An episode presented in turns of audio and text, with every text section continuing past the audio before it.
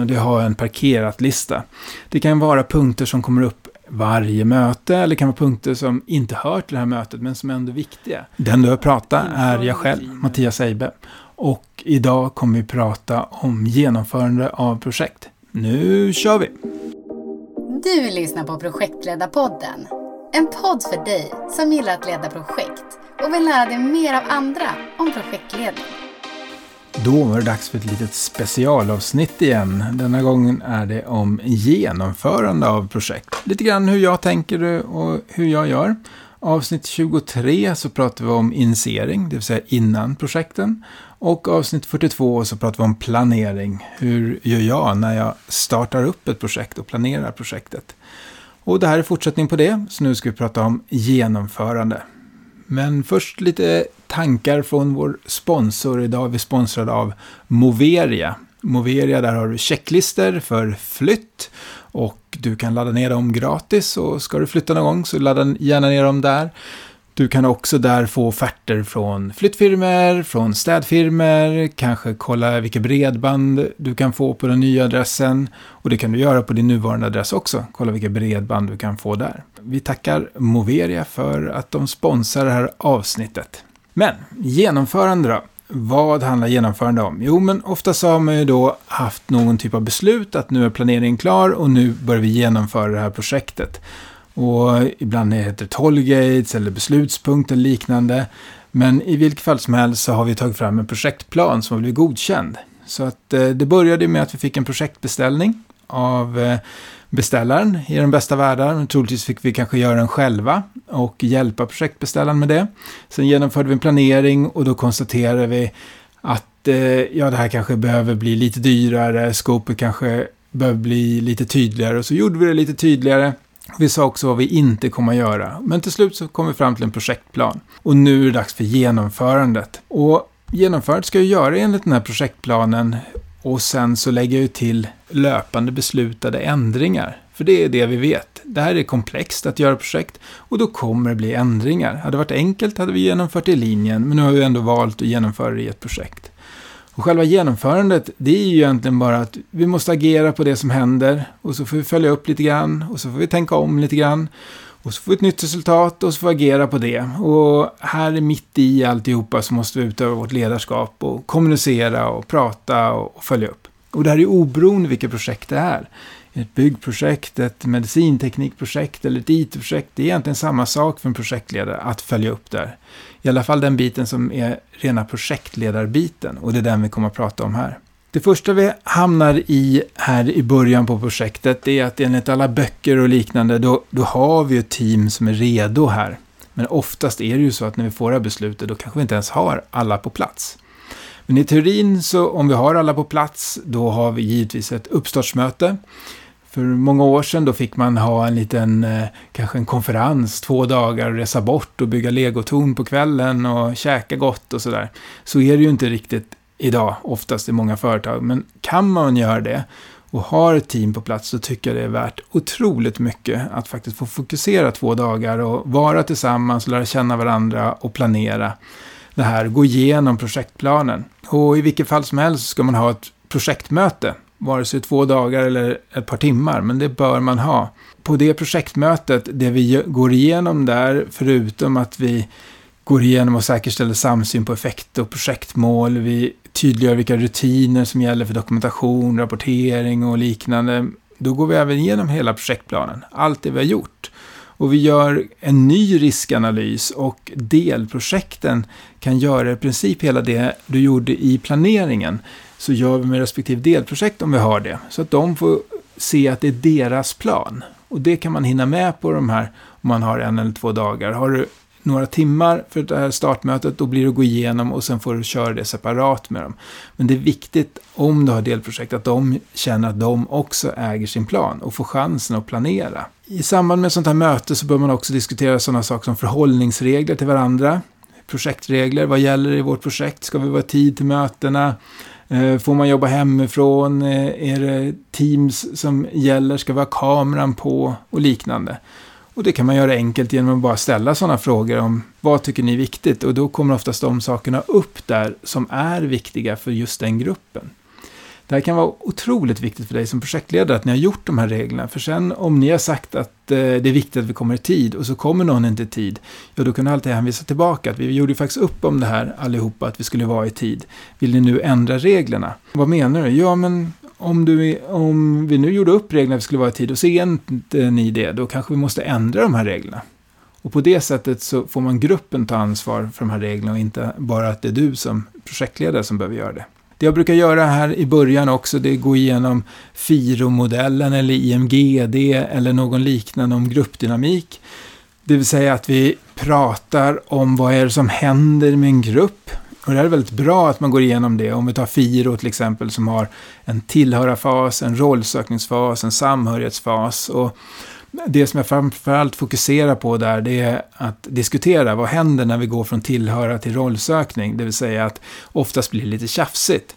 Om vi nu har pratat om det i början, och det här kan ju gå snabbt om vi jobbar intensivt i början, i alla fall i smågrupper. Då kan det bli lite tjafsigt, då kan man hänvisa tillbaka. Men vad bra, ni vill någonting. Det är därför vi liksom får det här tjafset och diskussioner. Varför får den göra så? Varför har vårt delprojekt mer att göra än det delprojektet? Varför ska inte de göra det här och så vidare? Och det är en del i den här rollsökningsfasen. Och då tar man ner energin lite grann i de konflikterna genom att man kan hänvisa tillbaka till de här modellerna och säga att ja, men det är precis så här det blir.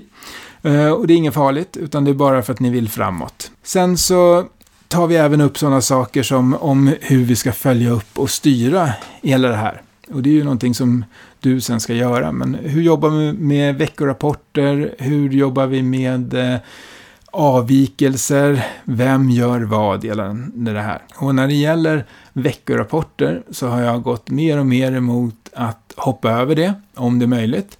Jag kanske är tvungen att rapportera till en styrgrupp, om det är en gång i veckan eller varannan vecka liknande, men eh, gentemot delprojektledare och i projektet så jobbar jag hellre med att man tittar på vad har vi gjort, vad kommer vi göra och finns det någonting vi måste lyfta. Och det kan man lika bra göra i en kanbantavla i Teams eller liknande. Det vill säga en att göra-lista som vi tittar på en gång i veckan och går igenom. Har vi, jobbar vi mer agilt så gör vi det varje dag och tittar på de här bitarna. Och vilket jag tycker är fantastiskt bra att kunna kombinera. Både en mer traditionell projektledning och eh, att man kombinerar det med agilt utförande, kanske i vissa delprojekt. Och så ser ju projekten ut ofta idag, att de är hybridprojekt. Så att kan vissa delprojekt jobbar helt agilt, andra delprojekt jobbar helt enligt traditionell vattenfall.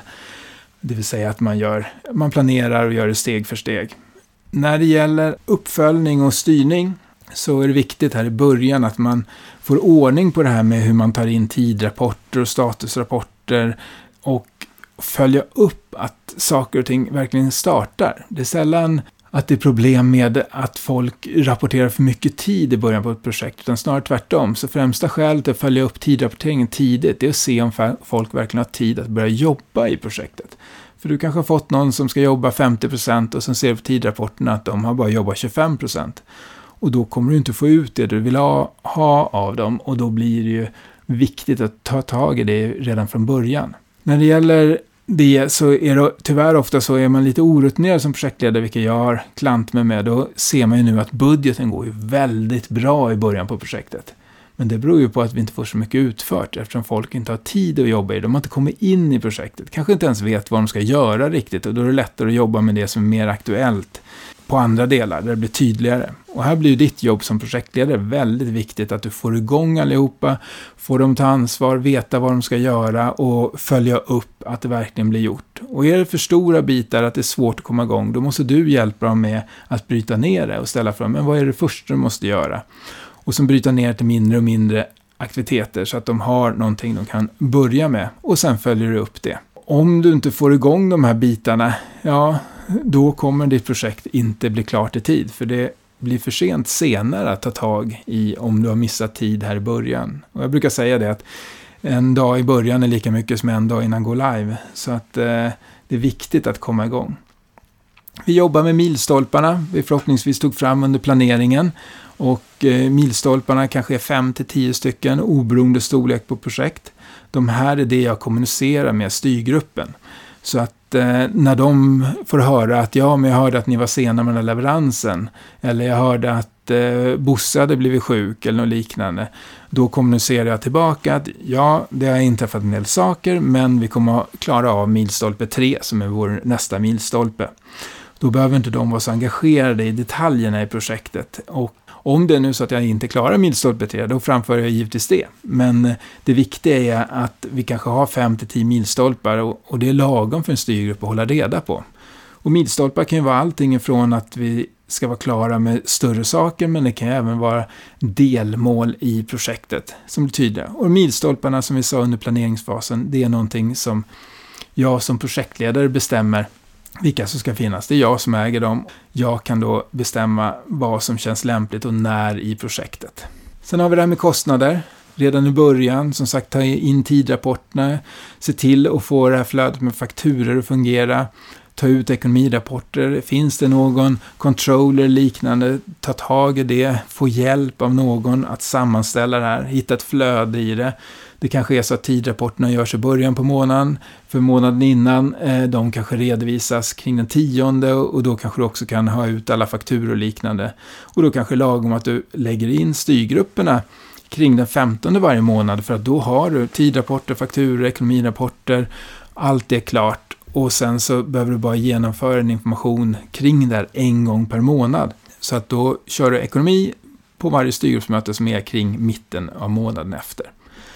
Men att få hjälp med det här och få ordning på det i början är otroligt viktigt. Tyvärr är det så att i början har man mycket annat att tänka på och då kanske det här blir liggande. En annan sak som är lite tyvärr är att många företag idag har problem med det här. De har jättefina ekonomisystem med massor med rapporter och liknande, men som projektledare har man väldigt lite stöd ofta. Och det gör det att det slutar tyvärr med att man får sitta och hålla reda på de här fakturorna i egna Excelblad för att hålla reda på vilka kostnader man egentligen har och att alla de kostnaderna hamnar rätt. Men går det bra, du får tag på en controller och kan lägga upp det här bra ekonomisystemet, så gör det. Och här är det viktigt också att tänka på när man jobbar med ekonomin att man har en originalplan, men ni vet ju hur det gjordes under planeringen. Vi gjorde ju gissningar där. Nu när vi börjar se var det barkar, då kan vi också konstatera, istället för att utgå från originalplan, om någonting skulle kosta 100 000 och sen har vi förbrukat 50 000, då kan vi inte säga att det är 50 000 kronor kvar.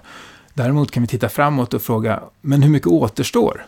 Ja, men då kanske det är 70 000 kronor som återstår att göra där. Ja, och det är bara att konstatera, så blir det i ett projekt. Att ibland blir det mer, ibland blir det mindre, för vi gissade där i början. Men hela tiden är den magiska frågan här, det är att titta på utfallet och sen så ställa sig frågan, okej, okay, hur mycket återstår? Och det blir min prognos. En orutinerad projektledare tar den här originalplanen och sen tar den minus utfallet och så säger den att det här är min prognos. Och sen så upptäcker man långt senare hur fel det har gått. Och det kan ju gå åt båda hållen, men tyvärr går det oftast att det har blivit dyrare. Vad har det med risker? Och det ska alltid vara med på agendorna, både på projektmötena och styrgruppsmötena. Tyvärr brukar det ligga sist på agendan, så att man glömmer det. Jag brukar ha minst ett uppföljningsmöte per månad som bara har fokus på risk. Och då går vi igenom de riskerna vi har sett och tittar på dem igen, ser hur de riskerna kanske har förändrats, värderar om dem. En del risker kanske tas bort för de har inträffat tyvärr. Och andra risker har kommit och då lägger vi in dem och värderar dem och så har vi fokus på de 5-10 största riskerna eller de som har störst värde gällande sannolikhet gånger konsekvens. Och det är de som vi också kommunicerar med styrgruppen så att de har koll på det och kan vara med och agera på vad de tycker är viktigt och hur vi ska agera gentemot de riskerna. Sen är det här med information och kommunikation. Det är ju det som projektledare verkligen är i centrum kring. Har du tur så kan du få hjälp med det. Kanske kan du ta in en kommunikatör om det är ett stort projekt, men oftast så måste ju du som projektledare göra det här själv. Och här är väl tipset att göra det här och planera det här, men inte vara för ambitiös. I början gjorde jag så att jag kanske sa att jag skulle göra ett veckobrev, men sen orkar man inte det och så rinner det ut i sanden. Hellre då planera ett månadsbrev eller en månadsinformation och göra det enkelt. Och om jag då vet att jag har styrgrupper den 15 varje månad, då lägger jag ju den här projektinformationen strax efter den styrgruppen. För då kan jag ta samma information jag förberedde till styrgruppen kan jag ta till och göra till den externa kommunikationen utanför projektet eller den interna och liknande. Så jag lägger allting vid ungefär samma tillfälle varje månad och sen kan det vara tyst resten av månaden och då får vi jobba lugnt och fint. Sen har vi lägesrapporteringen till styrgruppen och där kanske vi behöver ha det lite oftare än en gång i månaden. Och här har ju du underlagen, statsrapporter eller om det står uppmöten som du får din information ifrån, uppdatera risklista och sen så det viktigaste av allt kanske, beslutsunderlag till eventuella ändringar gentemot den planen som du la från början. Och den här gör vi då och rapporterar. Ofta så kanske en statsrapport har någon typ av färgmarkering med rött, gult, grönt. Det finns ingen standard som man känner till för det där, men definitionen brukar ofta vara att rött, det är avvikelse som kräver hjälp eller beslut från styrgruppen eller beställare eller från någon annan utanför projektet. Gula, det är avvikelse som jag som projektledare kan hantera eller vi inom projektet. Och grönt, det här följer den senast beslutade planen. Så har vi då en avvikelse som vi då beslutar, så vi har en ändring i projektet och så får vi en ny plan, då blir ju den grön, även fast den inte är grön gentemot den ursprungliga planen. Men här när vi rapporterar så rapporterar vi alltid mot den senast beslutade planen. Och det där brukar vara lite oklart ibland från vissa projekt. Men vi tittar i de här statsrapporterna på då det vanliga, det som vi gjorde planen på, det vill säga omfattningen, tidplanen, kostnader, vilka resurser och risker. Och så jämför vi med den senast beslutade planen och så tänker vi på den här prioriteringstriangeln och om vi jobbar rätt eller inte. Alla de här sakerna som vi pratar om här, det genomför vi i möten. Och därför är det otroligt viktigt att vi i uppstarten redan börjar tänka efter. Hur ska vi jobba med möten? Det kommer att finnas styrgruppsmöten, projektledningsmöten, projektmöten, arbetsmöten, workshops, diskussionsmöten. Ja, ni hör, hur mycket som helst. Gör vi inte det här effektivt så kommer det äta upp hela projektet. Det jag brukar minst göra det är att kräva att alla i projektet, när de skickar ut om ett möte, ska det minst framgå vilket syfte de har av mötet. Det bästa är om de kan ange också vilket mål eller resultat de vill ha, hur de har tänkt genomföra vilka som är med och varför, och om det är några speciella regler som gäller på det här mötet, men åtminstone ange syfte. Jag går till och med så långt så att är det så att det inte finns ett syfte, då brukar jag tacka nej till mötet. Eller att de inte anger vilket målresultat de vill uppnå. Men generella tips då, gällande möten, det är ju tydliga förväntningar. Det vill säga, är det här ett rent informationsmöte, ett diskussionsmöte, är det ett beslutsmöte? Det här kan vara speciellt viktigt gentemot vissa grupper, att man anger, nej, det här är inget beslutsmöte, utan det här är bara ett diskussionsmöte, eller det här är bara ett informationsmöte. Vi förväntar oss inte någon diskussion, utan det får ni ta utanför och det gör vi via den här chatten, eller vad det nu kan vara. När det gäller protokoll och minnesanteckningar, så tycker jag att man ska få upp en rutin på att det alltid ska skrivas. Idag har det kommit jättebra verktyg med till exempel i Teams där du kan få en transkribering av Teams automatiskt även på svenska. Funkar bra och du kan få en sammanfattning där. Sen måste man ju ändå kolla att, att den har uppfattat att att göra punkterna är korrekta och så vidare.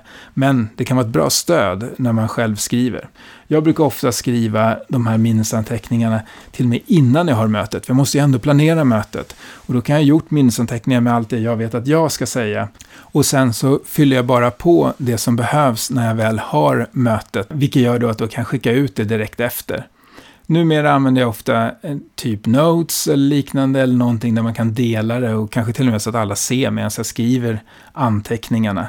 Är det mer formellt så måste det givetvis göras på ett mer formellt sätt och med granskning och liknande. I byggbranschen så är det till och med en del av avtalet ofta de här projektmötena och då blir det extra noggrant att vi gör det här korrekt. Men se alltid till att ha skickat ut de här minnesanteckningarna innan nästa möte. Gärna ska ni göra det direkt efter mötet. När det gäller minnesanteckningar så undvik det här som en del har på möten, det vill säga att man börjar gå igenom de gamla minnesanteckningarna och sen går hela nästa möte också till exakt samma sak som man hade på mötet innan. Där brukar jag istället göra så att jag har en att göra-lista. Den skickar jag ut och följer upp innan mötet så att jag på mötet kan säga dig, Jag har gått igenom allting här innan mötet och det som återstår är de här två att göra-punkterna. Eller något liknande. Och sen har vi ett annat litet tips på mötena och det har en parkerat-lista. Det kan vara punkter som kommer upp varje möte eller kan vara punkter som inte hör till det här mötet men som är ändå viktiga.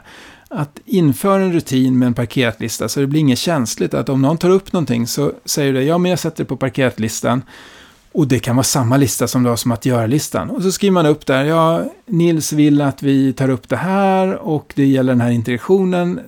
Det ska jag göra och eh, jag tar ansvar för det och jag återkopplar till Nils nästa vecka. Då känner Nils att jag har hört honom men samtidigt behöver vi inte ta upp mer tid på det här mötet gällande just det. Sen har vi det här med ändringshantering. Och den är väldigt viktig.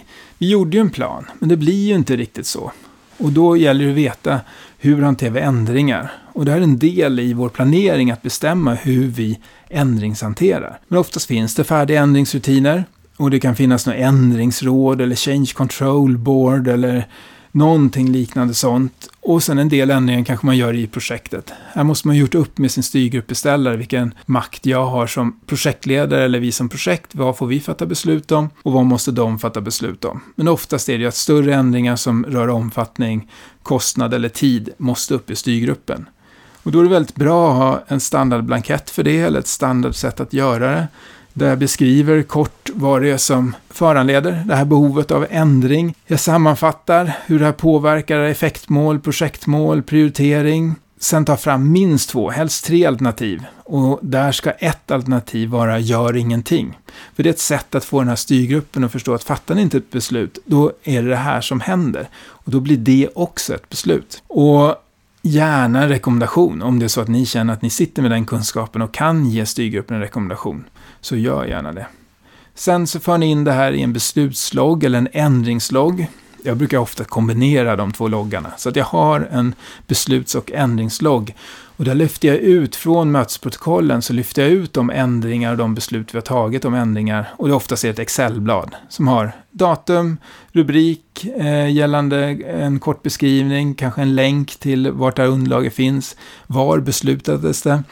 För i den här kan jag även föra in sådana beslut som jag själv har fattat, inte bara det som fattas av styrgruppen. Och sen så där får jag också in påverkan på tid, kostnad, omfattning och kanske någon liten kommentar gällande de här sakerna. Fantastiskt bra när slutrapporten ska skrivas sen. Att ha allt det här och då har man också ett minne om, ah, det var därför det blev så här, och just det, det var det där beslutet vi fattade där. Det sämsta man kan göra det är att inte ha någon typ av ändringshantering och uppföljning.